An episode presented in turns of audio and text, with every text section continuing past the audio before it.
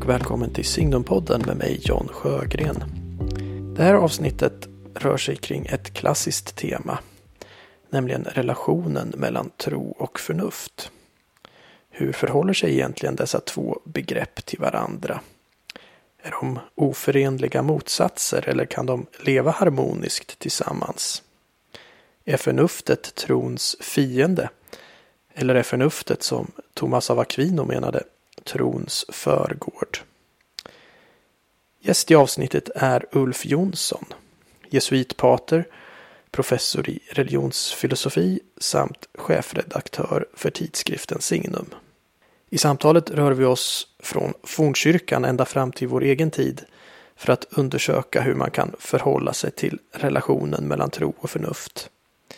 Det blir ett samtal om olika former av tro, om nåd och natur, om nominalism och postmodernism. Anselm av Canterbury, Johannes Paulus II, Martin Luther, Jungfru Maria och rockgruppen Kent är några av de figurer som hjälper oss att ringa in förhållandet mellan tro och förnuft. Hoppas ni ska finna samtalet intressant.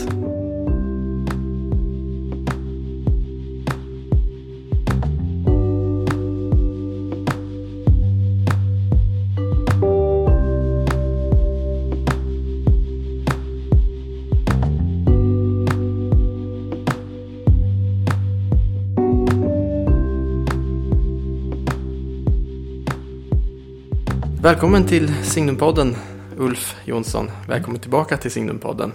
Tack så mycket. Eh, idag ska vi prata om ännu ett sånt där ganska stort ämne, tro och förnuft. Ett klassiskt ämne kan man säga. Eh, hur hänger de där ihop? Går det att förena tro och förnuft? Eh, har varit en fråga genom kristendomens historia. Ända från början kan man säga. Men jag tänkte vi kan kanske börja lite i, i trosbegreppet. Vad, vad är tro egentligen? Jag vet eh, Paul Tillich, eh, den 1900-talsteologen, protestantiska teologen, han sa någon gång att det finns inget begrepp i den religiösa vokabulären som är så missförstått som ordet tro.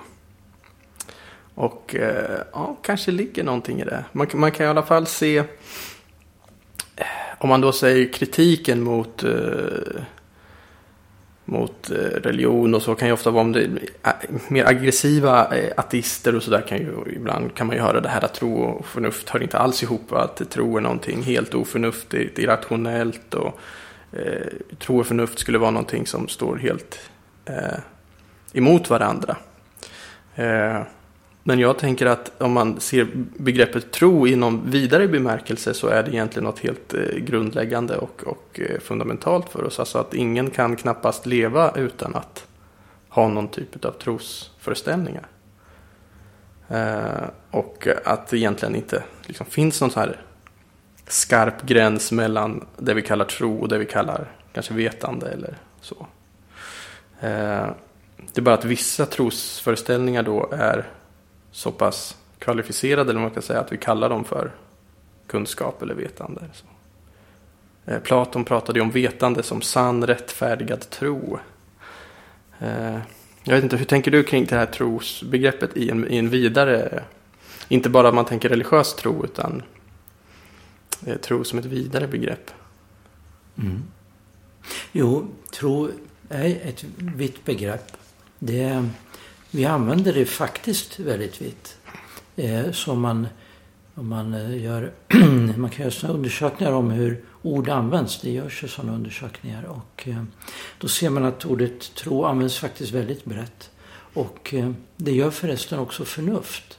Så att även både förnuftsbegreppet och trosbegreppet är breda begrepp. Och eh, eh när vi när vi behandlar dem som om de vore väldigt smala då blir det eh, olika typer av problem. Mm. Eh, och, eh, men om man tittar på trosbegreppet så ser man ju att det används eh, man brukar säga att det används på tre distinkta sätt. Man, alltså man brukar lyfta upp då som eh, exempel eh, till exempel när jag säger jag tror på dig. Alltså jag litar på dig. Mm. Det det är ju en helt annan sak, en annan typ av attityd och hållning än när jag säger att jag tror att det ligger tegel på taket. Mm. Alltså det är väldigt olika saker. Visst. Att lita på någon, det är en relation till en annan människa, min hållning till den här personen. Medan när jag säger att det ligger tegel på taket, då vill jag mer uttrycka en kunskap om något. Att det förhåller sig så här och så här. Eh, det exempel på att vi använder ordet tro på är faktiskt väldigt olika sätt. Och eh, i, på engelska till exempel så skiljer man mellan faith och belief. Det Mm. gör inte vi på svenska på det Nej. sättet. Och eh, det religiösa trosbegreppet har ju mer med faith att göra än med belief. Och eh, så att jag, jag bara nämner det som exempel på att det här begreppet tro är väldigt brett. Mm. Och, eh, eh, och det är också helt vilseledande att, att eh, säga att tro och förnuft står i varandras motsats. eh, Eller att tro och vetande är varandras motsats. Det är helt missvisande. Eftersom, ja, som du var inne på, eh, man kan faktiskt inte ha kunskap om något utan att vara övertygad om något. Mm. Och så man måste hålla något för sant, man måste tro att något är fallet. Så att eh, utan en, den här, det som kallas för trosakt så kan man inte ha kunskap heller. Så själva utgångspunkten att tro och vetande ska vara varandras motsatser, det håller inte rent eh, språkligt hur vi tittar, om man tittar på hur vi använder orden. Nej. Det finns en, en rolig textrad eh, i en låt av rockgruppen Kent. Som, som inte finns längre tyvärr. Jag gillade Kent mycket. Men den, den går så här eh, ungefär. Jag, eh, jag tror inte på någonting jag hört. Jag tror inte på någonting jag läst. Jag tror jag aldrig någonsin har trott på att tro. den uttrycker på något sätt det omöjliga i att inte tro på någonting. Och titeln på den låten är också Idioter. Så jag vet inte om man ska tolka då inbörden i texten att om man väljer att absolut inte tro på någonting, då blir man en idiot. Men det ligger något i det alltså. Absolut, det, det gör det. Därför att eh, ut, om vi inte tror på något så kan vi heller inte leva. Nej. Eh, alltså det börjar med, eh, alltså du har ett litet barn. Mm. Det börjar med barnet va. Må, barnet litar naturligt på föräldrarna. Visst. Det har i viss mening ingen val. Men det är absolut rationellt och vettigt att det funkar så. Att barnen litar på föräldrarna. Det är det mest eh, rationella och, och vettiga så att säga på alla sätt och vis. Och det kan också vara så att om man inte litar på en person, det kan ju till och med gå in i det patologiska. Om man, ö- om man så att säga, misstänker alla och allt, Mm. det får närmast en patologiskt drag. Visst. Så att eh, tro är, är väldigt fundamentalt för vårt liv. Att vi, eh, de här olika formerna av tro och tillit och, och så, och övertygelser. Jag menar om vi inte är övertygade om att eh, Eh, om att till exempel man kan sitta på stolen normalt den håller så att säga. Och, och, och gå omkring och testa varenda stol som man sätter sig på. Det blir väldigt opraktiskt. Och på motsvarande sätt om alla andra övertygelser. Alltså, detta tro är helt fundamentalt för att vi ska kunna föra ett normalt liv. Visst. Men det finns ju olika former av tro. Eh, man brukar, du har varit inne lite på det. Kognitiv tro, fiduciell tro, testimoniell tro. Vill du säga någonting om de, de här olika trosformerna? Ja, det är de här tre eh, grundläggande sätten som vi människor kan tro på. Eh, det är faktiskt de, de former av tro som vi har till vårt förfogande. Vi kan tro att något är fallet. Eh, jag- kan tro att eh, det regnar nu eller vad som helst. Och det kan man ha grund för då. Och den här kognitiva tron, den som ett nödvändigt moment i all kunskap, i all vetenskap. Eh, om jag är övertygad om att Gotland är en del av fastlandet så kommer jag aldrig att kunna eh, komma till någon kunskap om att det är en ö och så vidare. Eh, så att eh, eh, det finns den kognitiva tron, där är den som ett eh, grundande av ku- kunskap. Och eh, sån kan, tro kan också spela roll i för övrigt i religiösa sammanhang också. Eh, Sen finns den fiduciella tron och det är tilliten att lita på och det är en helt fundamental eh, form av tro för vårt liv. Eh, Och så finns det den tro som, form av tro som är den mest vanliga och den kallas för testimoniell tro. Till vardags kallar vi det för information. Information är faktiskt en form av tro. Vi tar över någonting från andra som vi inte själva checkat. Eh, information spelar en oerhört stor roll för oss. Vi läser en instruktion hur man beter sig i en situation, när man umgås med en maskin, hur man tar ett läkemedel och vad vet jag. Information är oerhört viktigt. Men det typiska för information är att vi själva inte har eh, grunderna för det. Vi har inte undersökt det. Vi tar över det från andra. Det. Eh, det är en form av tro. Men det är en oerhört vanlig form av tro. Eh, och utan att vi skulle visa sig generellt sett eh, aldrig acceptera information skulle vårt liv kollapsa. Men om, om man går över då lite till eh, religiös tro då. Eh, Thomas av Aquino har ju, har ju då också tre olika aspekter av just religiös tro som är lite kopplade till, till de här tro, tre trosformerna. Som kan vara ganska, ja jag tycker, då, jag tycker de är bra. Vill du säga något om de tre aspekterna som han har? Han eh, definierar dem utifrån det här verbet eh, credere mm, på latin. Och det är, det är det ord som Thomas skiljer faktiskt mellan religion och tro. Mm. Eh, han gör en distinktion där.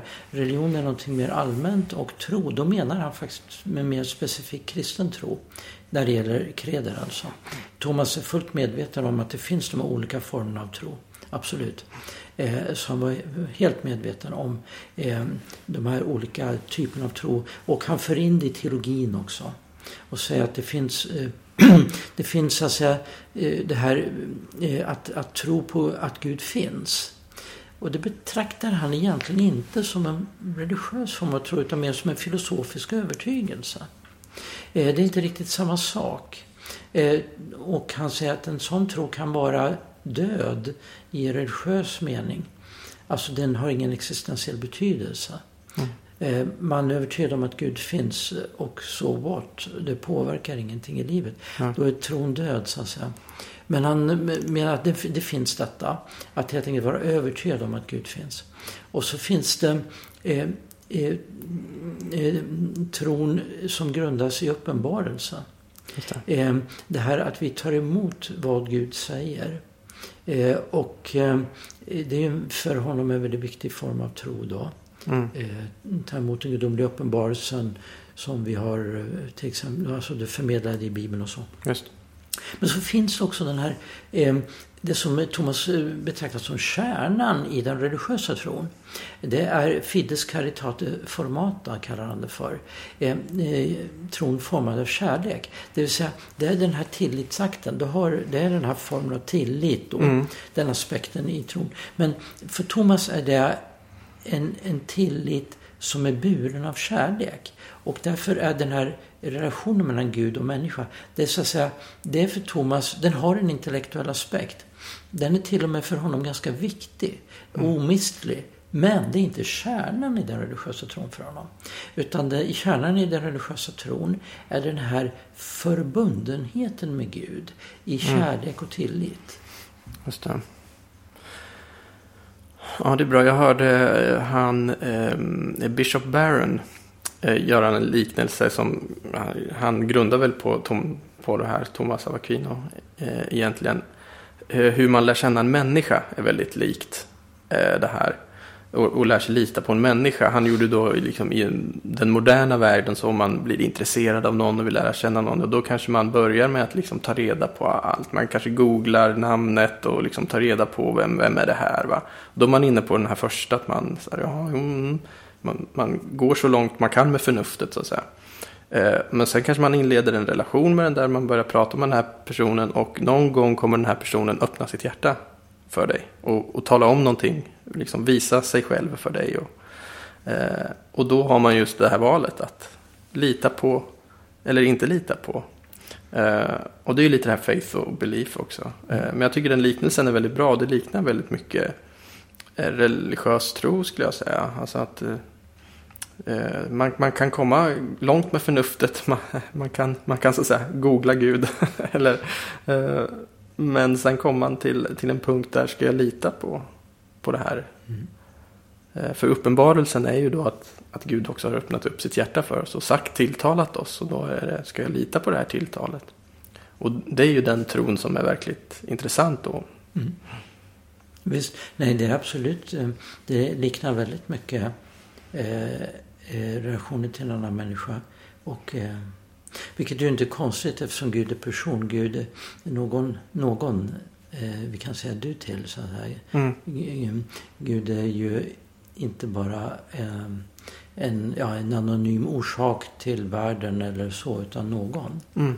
Så att det blir väldigt likt. Just. Eh, att lära känna en annan människa. Ja, jag tänker vi kan säga någonting om eh, hur förhållandet mellan tro och förnuft har sett ut historiskt i kristendomens historia. Så att säga. Du har ju ett kapitel i din bok eh, med tanke på Gud som just eh, gör detta väldigt bra tycker jag. Går igenom hur det här har sett ut historiskt. Och ja, man kan väl generellt säga att det är inte någon enhetlig syn ändå. Eh, hur det här förhållandet mellan förnuft och uppenbarelsen och, och förnuftet och tron och den filosofiska reflektionen. Hur det har eh, sett ut så att säga. Nej, det har ju, eh, eh, människor har ju eh, haft olika uppfattningar om det där också. Mm, eh, kristna eh, personer. Så att det har ju växlat. det eh, finns ett, ett dåligt skämt som säger att Eh, det finns eh, eh, synen på förhållandet mellan tro och förnuft. Mm. det har man olika uppfattningar om. Men alla är, har däremot en sak gemensamt. Att de eh, ingen som har kommit och klagat på att den har fått för lite förnuft. Utan det verkar vara så att förnuftet är extremt rättvist fördelat i världen. Eftersom alla uppfattar sig som extremt förnuftiga. Eh, så att det finns eh, någon, där brukar man vara enig. Mm. Eh, men annars så när det gäller förhållanden mellan tro och förnuft har man haft lite olika uppfattningar. Det, jag menar, precis som i vår tid fanns det också i antiken förnuftsskeptiska uppfattningar. Mm. Ehm, eh, det finns alltså kunskapsteoretisk skepticism, då att man tror att man inte kan veta saker och ting. Och eh, också en, en pessimistisk syn på det mänskliga förnuftet.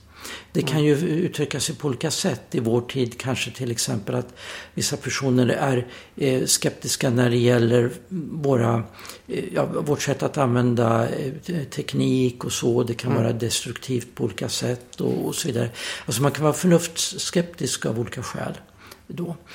Så att det, alltså det är verkligen inte så enkelt som att vad ska jag säga, alla troende menar att tro och förnuft, den religiösa tron och förnuftet går väldigt väl ihop. Ja. Och alla som inte har en religiös tro menar att det inte går väl ihop. Nej. Det är mycket mer komplext än så. Men eh, man kan säga så att i, i den tidiga kyrkan, om vi talar om de första århundradena, då eh, diskuterades det ganska mycket faktiskt eh, om hur den kristna tron skulle uttryckas i den omgivande kulturen. Eh, i den hellenistiska kulturen som man var en del av. Och eh, man bestämde sig faktiskt ganska tidigt för att, eh, att uttrycka, försöka uttrycka den kristna tron i filosofiska kategorier. I, synnerhet den platonska traditionen. Mm. Även stoicismen betyder mycket. Mm. Och, så att, och det är ett val Eh, Eh, man gjorde ett val att den kristna tron går att uttrycka i, eh, med allmänmänskliga kategorier, i eh, filosofiska kategorier och så. Så det finns en alltså, möjlighet att reflektera intellektuellt kring tron. Det var ett val. Men det, det fanns också så att säga, majoritetsuppfattning som var skeptisk, skeptisk mot förnuftet kanske, eller i alla fall skeptisk till den här specifika relationen mellan religiös tro och förnuftet. Mm. Så det fanns också det. Eh, och det har i den stora breda fåran i kristendomen alltid varit en minoritetsuppfattning. Eh, den, mm. den stora fåran i kristendomen har betraktat helt enkelt, alltså, förnuftet är en Guds gåva. Mm. Och därför är den också någonting gott och den har sin betydelse också inom trons ram och sådär. Mm. Det, är, det, det är ändå den majoritetsuppfattningen i fornkyrkan och har förblivit det. Men vissa stråk i kristendomen har då en annan uppfattning. Mm.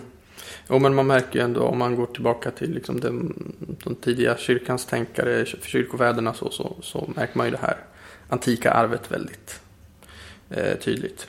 och på många sätt kan man väl säga att det är den här sammansmältningen mellan kristendom och det antika filosofiska arvet som på något sätt sen blir basen för hela vår västerländska kultur och civilisation egentligen. Det är just den här giftermålet på något sätt mellan kristendom och det antika arvet.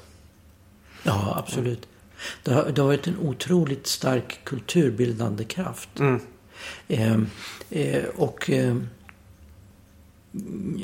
det finns ju de som menar, och jag håller med om att det ligger mycket i det, eh, nämligen att eh, det faktum att eh, naturvetenskapen växte fram i västerlandet. Visst. Det är ingen tillfällighet. Utan det beror på att vi har format en världsbild Mm. som är gynnsam för eh, vetenskapligt tänkande. Mm, Och eh, det har att göra med att en syn på tillvaron att den är begriplig, rationell, det, det förnuftet är någonting gott, vi ska använda det och så vidare. Mm. Och det är sådana övertygelser som, eh, eh, som kristendomen har, som judendomen vi har tagit över också från judendomen, sena jud, alltså Mm. judendomen århundraden före Jesu födelse eh, finns ju vishetslitteraturen Mm. där, eh, där den eh, teologiska reflektionen eh, då eh, sker över Gud som vishetens ursprung och så. Visst. Men om man går vidare då lite eh, historiskt här då, om fornkyrkan så, så blir ändå majoritetsuppfattningen att de här kan smälta samman den eh, filosofiska reflektionen och, och den kristna eh, tron. På, på medeltiden kan man ju säga att det på något sätt den här syntesen når någon slags höjdpunkt. Och man tänker väl framför allt på Thomas av Aquino men det finns eh, eh, andra där också såklart. Eh, jag tänker att det fångas ganska bra i Anselm av Canterburys då, formuleringar där. i Tron som söker att förstå och jag tror för att förstå. Det fångar in det ganska bra. Mm. Absolut. Det, det är väldigt fina formuleringar och eh, det går också, eh, en del av de där tankarna hittar man hos Augustinus redan. Men Mm. Anselm formulerade och, eh, och det präglar då det som eh, ja, 1200-talets teologi i stor utsträckning eh, sen då. Ehm, eh, och eh, den här formuleringen, eh, tron som söker att förstå fides querens intellectum, det, eh, det kommer sig av den här tanken att människan möter eh, uppenbarelsen, alltså möter eh, Kristus och vad Kristus gör och säger. Och människan försöker ta det till sig. Och eh, vi kan ta det till oss eh, då, på olika sätt. Men vi kan också ta mm, till oss det genom att reflektera över det. Genom att försöka förstå det. Och eh, det här är Anselms tanke. Att eh, vi står inför eh, till exempel Bibelns texter. Och eh, vi försöker att tillgodogöra oss dem. För att göra det måste vi använda vårt förnuft. Vi måste använda vår, vår inlevelseförmåga och så vidare också. Vi har olika aspekter. Men vi behöver också det förnuftiga tänkandet, reflektionen. Mm. Och det här är en hållning som, som ju finns eh, hos Anselm väldigt tydligt. Och som sen till exempel då kommer till uttryck i det som man kallar för eh, 1200-tals eh, skolastiska tänkande. Mm. Där man har en väldigt hög uppfattning om det mänskliga förnuftet. Och att eh, man betraktar, det hade man gjort redan i, i fornkristen eh, tid. Men eh, i högmedeltiden så blir det väldigt tydligt att man betraktar förnuftet som en slags förgård till tron. Mm. Alltså det är en vägberedare. Eh, Förnuftet är så att säga inte ett hinder utan tvärtom. Förnuftet är någonting som leder mig till tron. Eh, Öppnar mig för uppenbarelsen. Eh, Och eh, den grundhållningen att eh, tron faktiskt är, det är en nyfikenhet. Det är en nyfikenhet att förstå tillvaron. Så eh, ser man på tron. Mm. Den nyfikna hållningen på tillvaron. Eh, där jag försöker också mm, ja, på något sätt ana mig fram till tillvarons yttersta grund eh, i Gud. Alltså att Mm. Gud som den yttersta grunden och så. Tillvarons kärna. Så det, det är en väldigt eh, ska säga, förnuftsoptimistisk hållning i övertygelsen att förnuftet leder oss till Gud.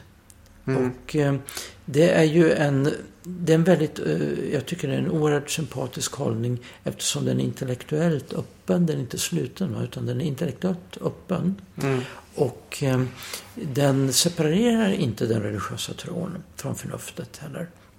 Det gör också att man kan diskutera kritiskt kring religiös tro. Också Just. den möjligheten öppnar sig där mm. och det gjorde man verkligen. Mm. Eh, man diskuterade väldigt, eh, man vred och vände på den eh, religiösa tron och eh, ställde eh, så säga, alla kritiska frågor som man överhuvudtaget kunde komma på. Mm. Eh, så säga, med, med sig förnuft och så. Så att den här tanken att religiös tro och förnuft, även hans motsatser eller så, är helt främmande för den tankevärlden. Ja, visst. Om man ser på Thomas till exempel så är han, han har det klassiska liksom formulerar då också motargument. Ofta för, liksom mot tron då. Va? Och han formulerar oftast motargumenten oerhört bra. Mm, väldigt trovärdiga. Så att, eh, och som, precis som du säger, alla frågor är, är, är, kan man lägga på bordet så att säga. Ja. ja. Så att, eh, mm. Det är verkligen allt annat än en ointellektuell hållning man hittar i den medeltida teologin får man säga. Absolut. Mm. Eh, Thomas var mycket noga med att försöka formulera eh, invändningarna, motståndarnas argument så att säga så skarpa som överhuvudtaget möjligt. Mm. Det har något, eh, kanske kan dagens kulturdebatt lära sig något av Thomas där ja, tänker jag. det är en sund hållning. Ja, det är det. Men vi kan väl stanna lite hos Thomas för att han har ju också det här eh, begreppsparet nåd och natur är väldigt viktigt för honom. Och det, det är kopplat till den här frågan tycker jag då, om eh, tro och förnuft. Eh, han säger ju det här, nåden bygger på naturen och fulländar den. Men vad, eh, det är kanske lite svårt att förstå. Vad, vad menar han med det där egentligen? Eh. Ja, för Thomas är nåden, gratia, Eh, det är det som kommer från Gud, det är Guds gåva. Det, ordet gratia, det latinska, hänger ihop med vårt ord gratis. Det är gåvan. Eh, som vi får eh, helt utan liksom, eh, någon slags betalning eller så. Det är en ren gåva.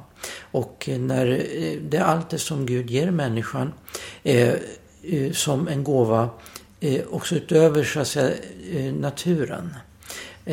Nämligen uppenbarelsen, men allt det som också sker, till exempel Thomas tänker sig att Gud verkar i sakramenten och är nära människan i sakramenten. Och det är en gåva. Han ger sig till oss i sakramenten och med, där med sin närvaro. Eh, och eh, eh så det, nåden är, är, kommer till så att säga, naturen som är skapelsen så att säga. Eh, så alltså den naturen i den här, det som vi kallar för naturen med sten, mm. mm. ute i naturen med träd och så. Men det är hela, allt som, som existerar, eh, allt som är skapat är naturen. Men nåden är det som så att säga, kommer till som en extra gåva. Och den gåvan den är sån att den passar perfekt till naturen. Mm. Eh, det Gud kommer med är å ena sidan någonting radikalt gåvomässigt. Och det är i viss bemärkelse någonting väldigt annorlunda än det vi möter i världen. Mm. Eh, därför att det är inget vi kan skapa själva och fixa själva.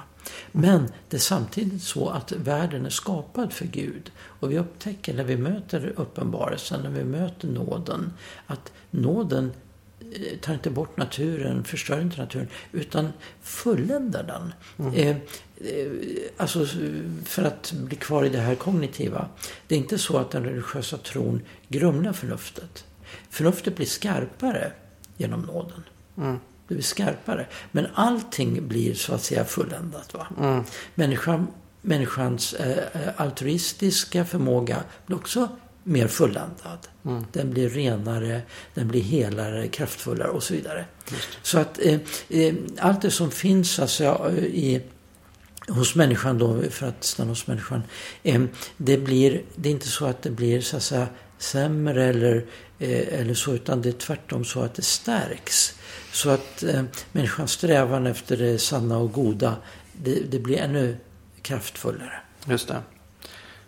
Man kan verkligen vända då på, på religionskritikernas argument där och säga att men, människan blir mer förnuftig av tron.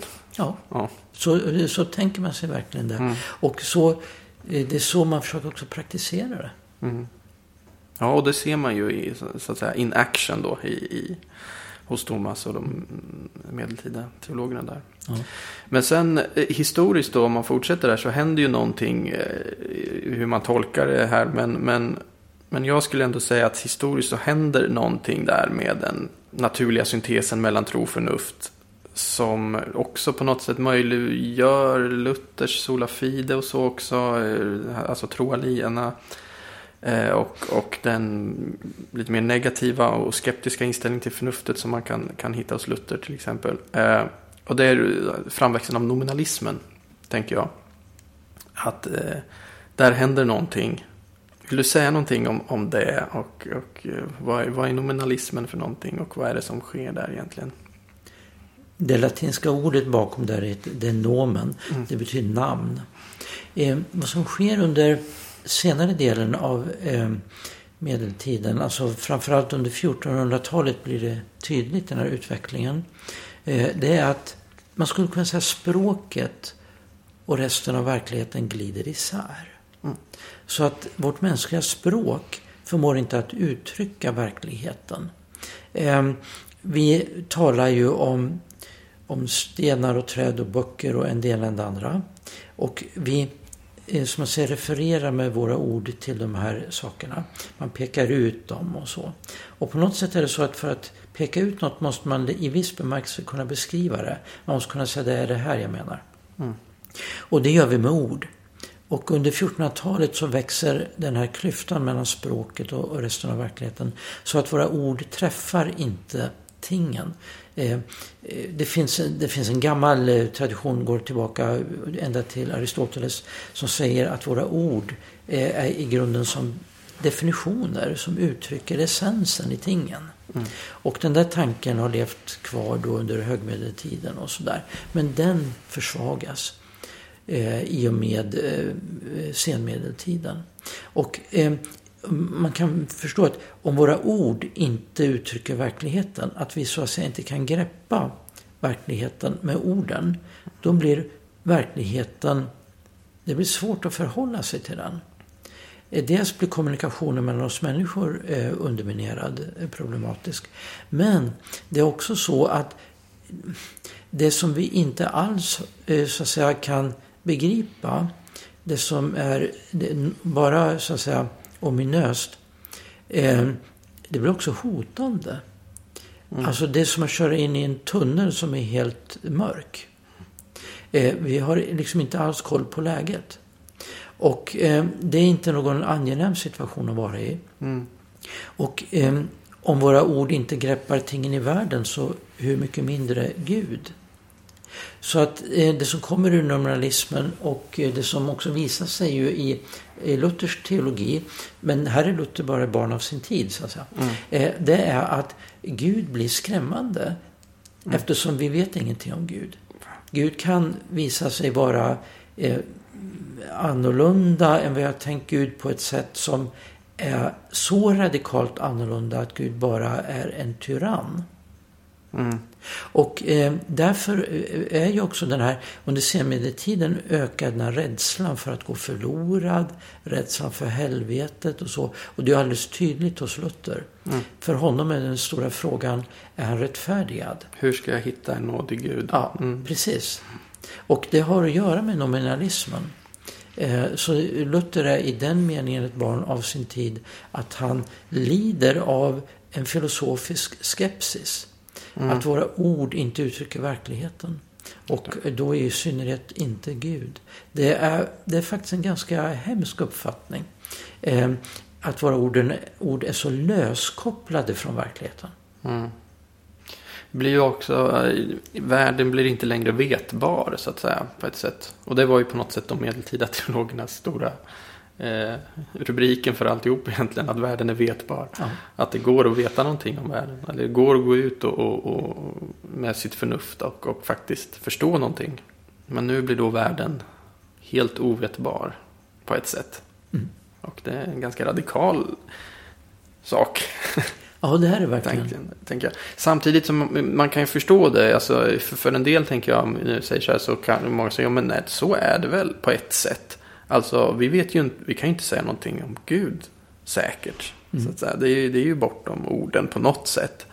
Eh, men jag tänker att man hamnar i, i ett dike ändå. Man, man, jag tänker mer så här, man kommer en bra bit med förnuftet. Men eh, sen, eh, som man säger så här, tron går inte emot förnuftet, men det går bortom förnuftet. Man kommer till en punkt där man säger, eh, mer än så här kan jag inte säga, så att säga. För, för Gud är ytterst sett eh, någonting jag inte kan liksom helt kontrollera få i, i min, med mina ord eller så. Men, men det betyder inte att han är helt ovittbar. Han, hela uppenbarelsen är ju ändå att han har gjort sig känd för oss. Eh, mm. Absolut. Och Men man kan på något sätt ändå förstå instinkten bakom eh, den här brytningen så att säga. Ja, och den, jag tror säkert att om man, om man tittar på det noggrannare så hänger det också säkert ihop faktiskt med Alltså, det här är en tid när naturvetenskapen börjar växa fram. Och man, det ställer också nya perspektiv på eh, kunskap. Eh, man, var, man börjar på att bli mer och mer fascinerad över att kunskap består i att mäta. Mäta och väga och kunna eh, uttrycka saker matematiskt och det blir mer abstrakt. Mm. Så att det blir så att säga mer, man börjar tänka, alltså även på högmedeltiden tänkte man oerhört abstrakt. Inte, eh, men eh, att tingen i världen går att fånga genom abstrakta formler. Mm. Det innebär också att vår relation alltså vår empiriska relation, eh, vår erfarenhet, den blir så att säga, den blir i viss bemärkelse stum. Mm. Därför alltså vad är verkliga? Är, är det verkligheten där vi kan erfara med våra sinnen? Eller är det det vi kan formulera matematiskt? På det abstrakta planet. Och eh, det, det sker en skiftning där. Mm. Eh, det är ju långsamma eh, förändringar. Men, men nominalismen, den Eh, den bygger på den här tanken att eh, språket inte fångar tingens essens. Mm. Och essensen där man kan bara mäta och uttrycka eh, matematiskt. Mm. Då är så att säga vårt, vårt vardagsspråk, det verkar gå förbi verkligheten. Just det. Så det är en del av den där utvecklingen också. Mm. Men, men historien går ju vidare och eh, ja, senare med moderniteten kom hela, hela frågan om förhållandet mellan, mellan empirism och rational, rationalism och, mm. och så. Och eh, eh, så småningom går de där också mer ihop igen. Ja. Eh, därför man inser att verkligheten, den går inte att reducera eh, eh, varken till det ena eller det andra. Eh, eh även eh, alltså det, det empiriska och det rationella tänkandet måste på något sätt föras samman. Just det. Mm. Men man ser ändå eh, många jag tänker att många, många av de eh, problem eller de frågeställningar som, som vi sett i moderniteten och ända in i, i vår tid och så. Man kan på något sätt se roten till det i, i den här eh, nominalistiska mm. brytningen på något sätt. Jag tycker mm. att vi på ett sätt är vi fortfarande där. Ja. Eh, förnuftsskepticismen, det här att, eh, eh, att vi inte greppar tillvaron med våra begrepp. Det, är, eh, det finns ju också i vår tid då. Eh, och när man går in på de här frågorna så är det, de, de också verkligen mångfacetterade och det är också lätt att man gör det, så att säga, förenklar för mycket. Därför att Eh, jag menar, vi har till exempel i vissa, vissa aspekter av postmodernt tänkande är ju förnuftsskeptiskt. Mm. Alltså eh, att det, det, man kan säga att postmodernismen är ju en slags protest mot det moderna. Mm. Eh, det, eller, eller, en slags excessiv modernitet. Ja, och mot positivism, alltså man ja. vetenskapsövertro på något sätt ja. också.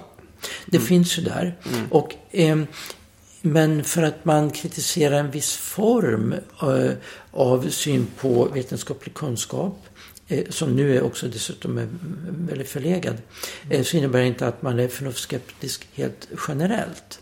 Nej. Utan det, man får verkligen där eh, liksom göra de här distinktionerna. Men den, det fåra i det postmoderna tänkandet som är förnuftsskeptiskt, den finns ju där. Mm. Och det, är, det påminner lite grann om nominalismen. Mm. Och då eh, lyfter eh, till exempel eh, Lena Andersson eh, fram att en, en, nyckel kan inte se ut hur som helst, en parksoffa inte heller. Mm. därför att de har egenskaper. En parksoffa som inte går att sitta på, ingen parksoffa. Mm. Eh, och och, det, och där, där protesterar hon så att säga, filosofi historiskt mot nominalismen. Mm, visst. Och det tycker jag hon gör väldigt rätt i. Och, och, och å andra sidan ska man vara medveten om att eh, våra beskrivningar av tillvaron alltid är människors beskrivningar. Mm. Eh, de är alltid begränsade. Så att även om vi eh, på ett korrekt sätt kan ange vilka egenskaper en nyckel ska ha för att betraktas som en nyckel och en parksoffa på motsvarande sätt och så, vilket jag helt håller med om.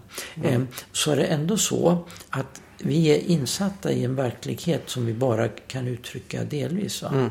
Vi har alltid ett perspektiv på saker och ting. Den här drömmen om den totala objektiviteten, den, är, den eh, slår fel. Den är just en dröm bara. Ja. ja. Ja, nej visst, eh, jag håller helt med om det. Men, eh, och, men problemet som sker med nominalismen är att man klipper bandet helt och hållet på något mm. sätt mellan språk och verklighet. Eh, relationen mellan språk och verklighet är komplicerad, mm. minst sagt. På något sätt är det ju det som många postmoderna tänkare gör. Jag, jag tror, nu är inte jag någon expert, men många av dem liksom är inte nominalister i den meningen. De tror kanske också ändå att det finns någon slags relation här. Va? Men den är väldigt komplicerad och så går man in i hur otroligt komplicerad den är. Eh, eh, men om man klipper bandet helt då hamnar man i problem, det tror jag. Mm. Om, om, vi ska säga någonting om, om just eh, eh, tro och förnuft eh, just i religion och så, så finns det olika modeller då för, för hur den här relationen kan se ut. Du tar upp dem i, i din bok som jag nämnde här tidigare med tanke på Gud neutralitetsmodellen, autonomimodellen, dialogmodellen. Eh, de där är ganska bra. Visar hur, hur relationen, hur man kan tänka sig relationen på, på olika sätt. Vill du säga någonting om, om de där modellerna? Ja, de går tillbaka till en amerikansk fysiker eh, som heter Ian Barbour. Eh, han eh, utarbetade den där, han var intresserad av förhållandet mellan naturvetenskap och religion. Mm. Och han utarbetade tankemodeller för hur man kan tänka sig relationen mellan religiös tro och naturvetenskap. Och de modellerna har fått eh, en väldig spridning. De används väldigt mycket. De är väldigt praktiska. Eh, de visar på eh, några olika grundhållningar till relationen. Man kan tänka sig att, att religion och naturvetenskap då, eller vetenskap generellt om vi vidgar det. Eh, att de inte har med varandra att göra överhuvudtaget. Mm. Den autonomimodellen. Alltså de har helt enkelt inget gemensamt. Och det, tänker man så, och somliga tänker så, eh, då blir det heller aldrig en konflikt mellan naturvetenskap, vetenskap och religion. Därför de talar om helt olika saker. Ehm, eh, om, man, om den så säga, teologiska tolkningen av den här modellen går så långt så att eh, Eh, överhuvudtaget eh, argument och förnuftet har ingen roll i den religiösa tron. Då hamnar man i det som kallas för fideism. Mm. Och det är en antiintellektuell hållning vad gäller religion. Eh, att argument biter inte på religion. De är irrelevanta. Mm. Så får man en antiintellektuell religion. Den är så att säga vaccinerad mot invändningar. Eh, men den är å andra sidan helt irrelevant för alla andra. eftersom man inte kan diskutera den. Eh, eh, så att den isolerar sig själv också från den rådande världsbilden. Så att den, är, den befinner sig isolerad i sin bubbla och har ingenting att säga någon annan. Mm. Och tar inte emot någon kritik. En väldigt antiintellektuell hållning. Mm. Den före, det, det finns ibland eh, sådana hållningar. Eh, jag tycker det, det är den svagaste av, av möjligheter. Mm, mm, mm. ja, den, jag håller med.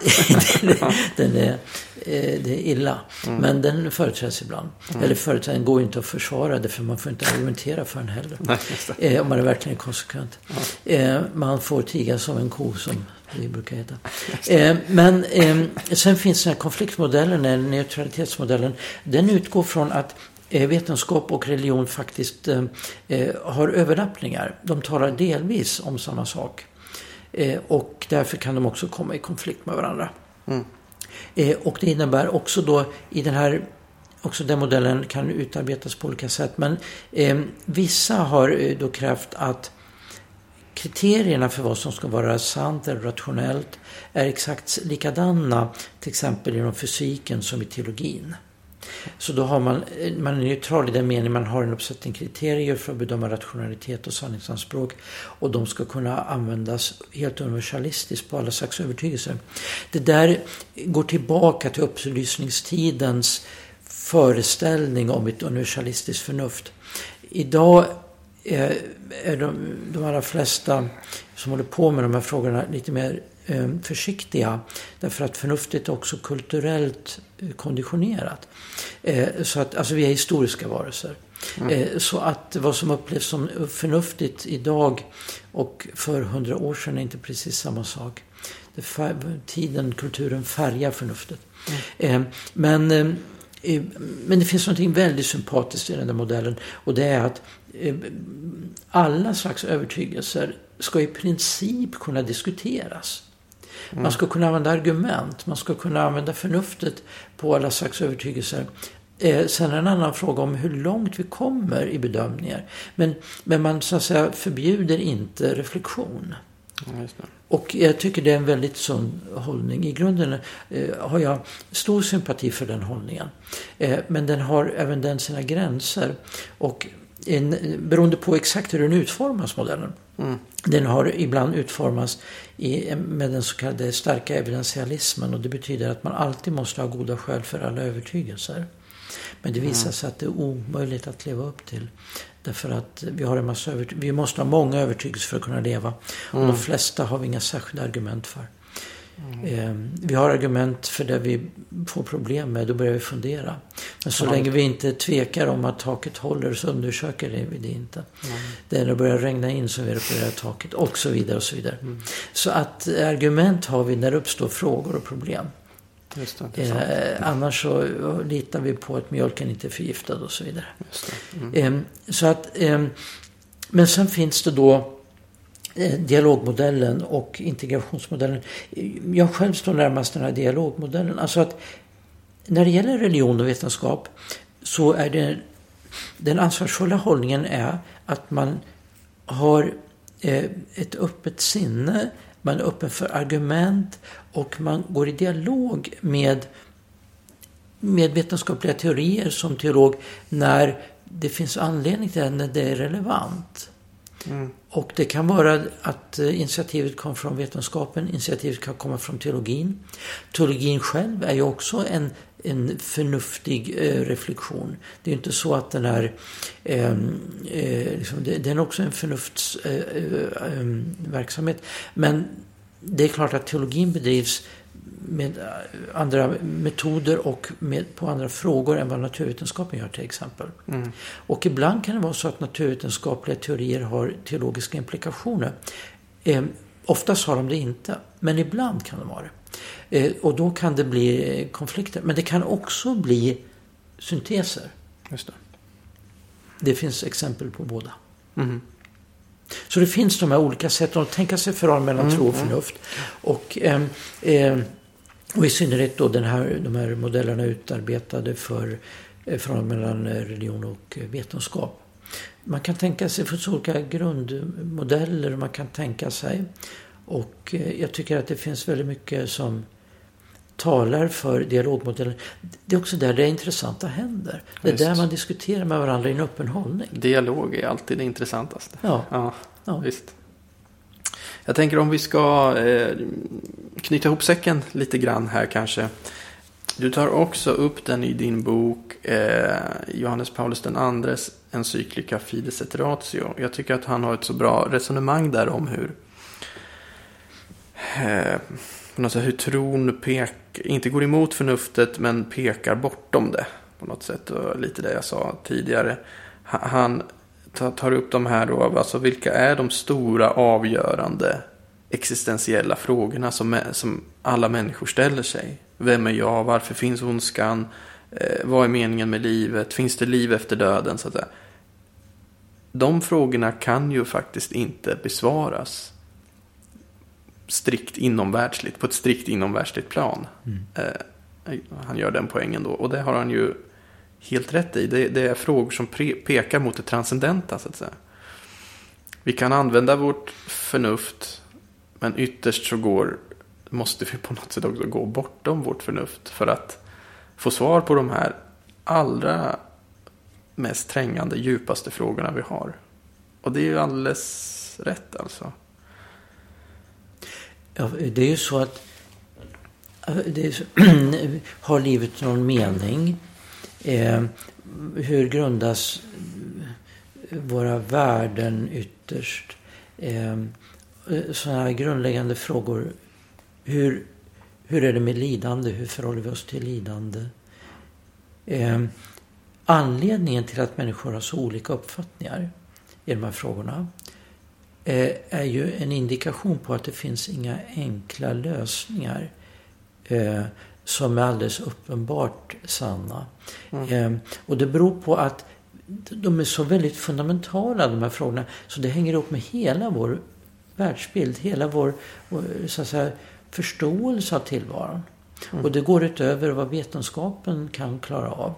Vetenskapen eh, man talade ju eh, eh, fram till på mitten av 1900-talet om att man var förutsättningslös i vetenskapen. Mm. Och det är naturligtvis helt omöjligt att vara förutsättningslös. kan man inte använda några metoder överhuvudtaget.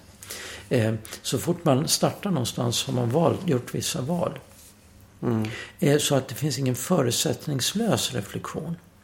Utan vi börjar någonstans, nämligen där vi befinner oss.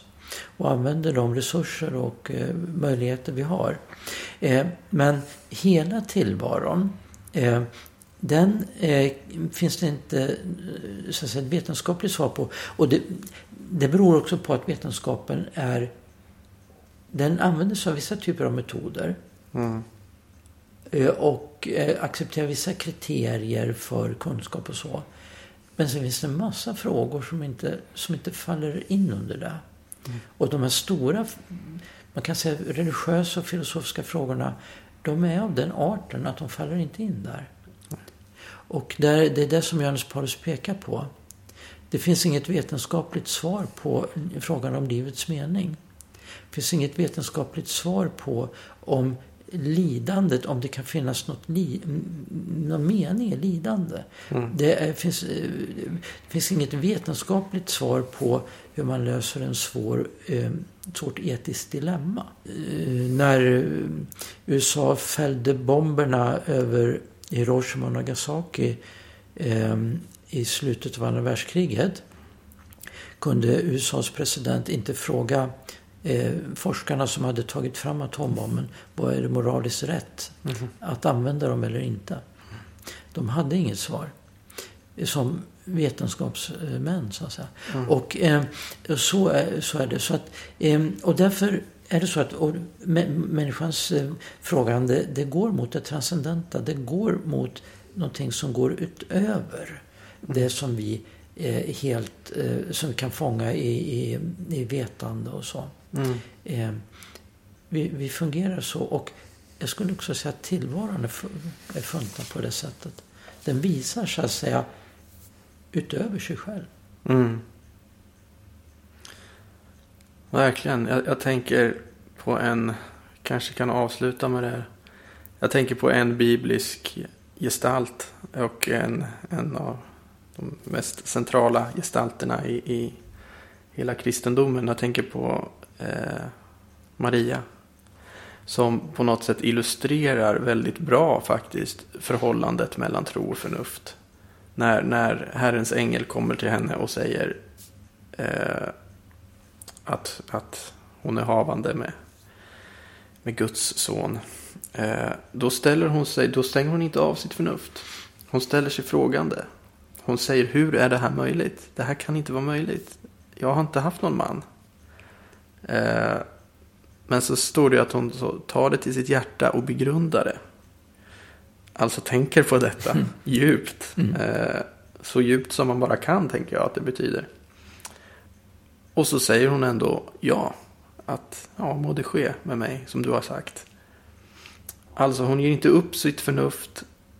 Eh, hon använder sitt förnuft. Hon ifrågasätter till och med den här eh, informationen. Men så hon, öppnar hon sig ändå för att här är, kan vara något större i görningen än vad jag faktiskt förstår. Någonting transcendent, någonting bortom vad, vad mitt förnuft kan greppa.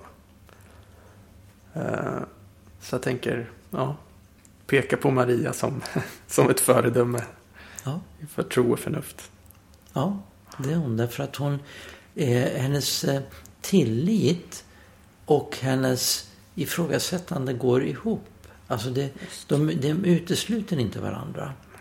Och det är ju det som, det märker vi också när det är viktiga saker i goda relationer. Då kan man ta upp de här svåra frågorna. Mm. Och de får plats inom förnuftet, eh, inom eh, tilliten. Mm. Och, eh, och eh, Maria litar på att hon kan eh, uttrycka sin, sin eh, liksom, ifrågasättande inför Gud. Mm. Alltså det, det. vid bebådelsen så möter hon det budskapet från Gud och eh, hon kan ifrågasätta på något vis då där. Hur ska det här gå till? Mm. Så tilliten har plats för ifrågasättande. Precis, det är en bra poäng också. Och den är, den är eh, så, jag tror verkligen att, och en som för övrigt har skrivit väldigt fint om det där, det är faktiskt Josef Ratzinger i hans bok Introduktion till kristendomen, mm. där han talar om tvivlets roll i tron. I det första kapitlet här. Man kan på sitt sätt säga att Maria tvivlar, eh, alltså i den här bemärkelsen att hon ifrågasätter. Mm, just. Och det är väldigt eh, sunt. Mm. Precis, därför kan också en sån figur som Thomas Tvivlaren som man ofta lyfter fram då som någon som är svag i tron, att han är ett exempel på det. Men han är också, ett, och det är han förvisso ett exempel på, men han är också en föredöme på ett sätt. Mm. mm. För att han ifrågasätter sig, nej men jag måste få se det här. Ja. Jag, måste, jag måste få sticka min hand i sidan, annars kan jag inte tro på det här. Ja. Ja. Och det, det, får han också göra. Mm. Alltså det säger också någonting om, eh, om Jesu hållning. Alltså, eh, eh, Jesus visar så att säga, på de andra, de, eh, alltså du, eh, de har ju berättat det för dig och så. Men samtidigt möter han eh, Thomas i det han söker, va? Mm. det han begär. Så att Mm. Det, det, det, är väldigt intressant det där förhållandet mellan, mellan ja, ifrågasättande och tillit. Mm. Men jag tror att, att det, det ryms både i en god relation och, mm. och människans relation till Gud måste båda kunna ha plats. Visst. Och det visar ju evangelierna här att det har. Det har. Mm. Ja, men det tror jag är väldigt sant. att eh, det, När tilliten finns då kan man också ifrågasätta om man ska uttrycka det på ett annat sätt, om du måste offra ifrågasättandet eller förnuftet, då är det inte riktigt autentisk tro eller tillit. Mm. Men är den autentisk, då kan också förnuftet och även tvivlet få arbeta fullt ut så att säga. Ja, ja. verkligen. Ja, vi låter det bli avslutning här idag. Tack Ulf Jonsson för att du gästade Singelpodden. Tack så mycket. Tack. Och eh, tack alla ni som har lyssnat och lyssna gärna på oss igen i nästa avsnitt. Hej så länge.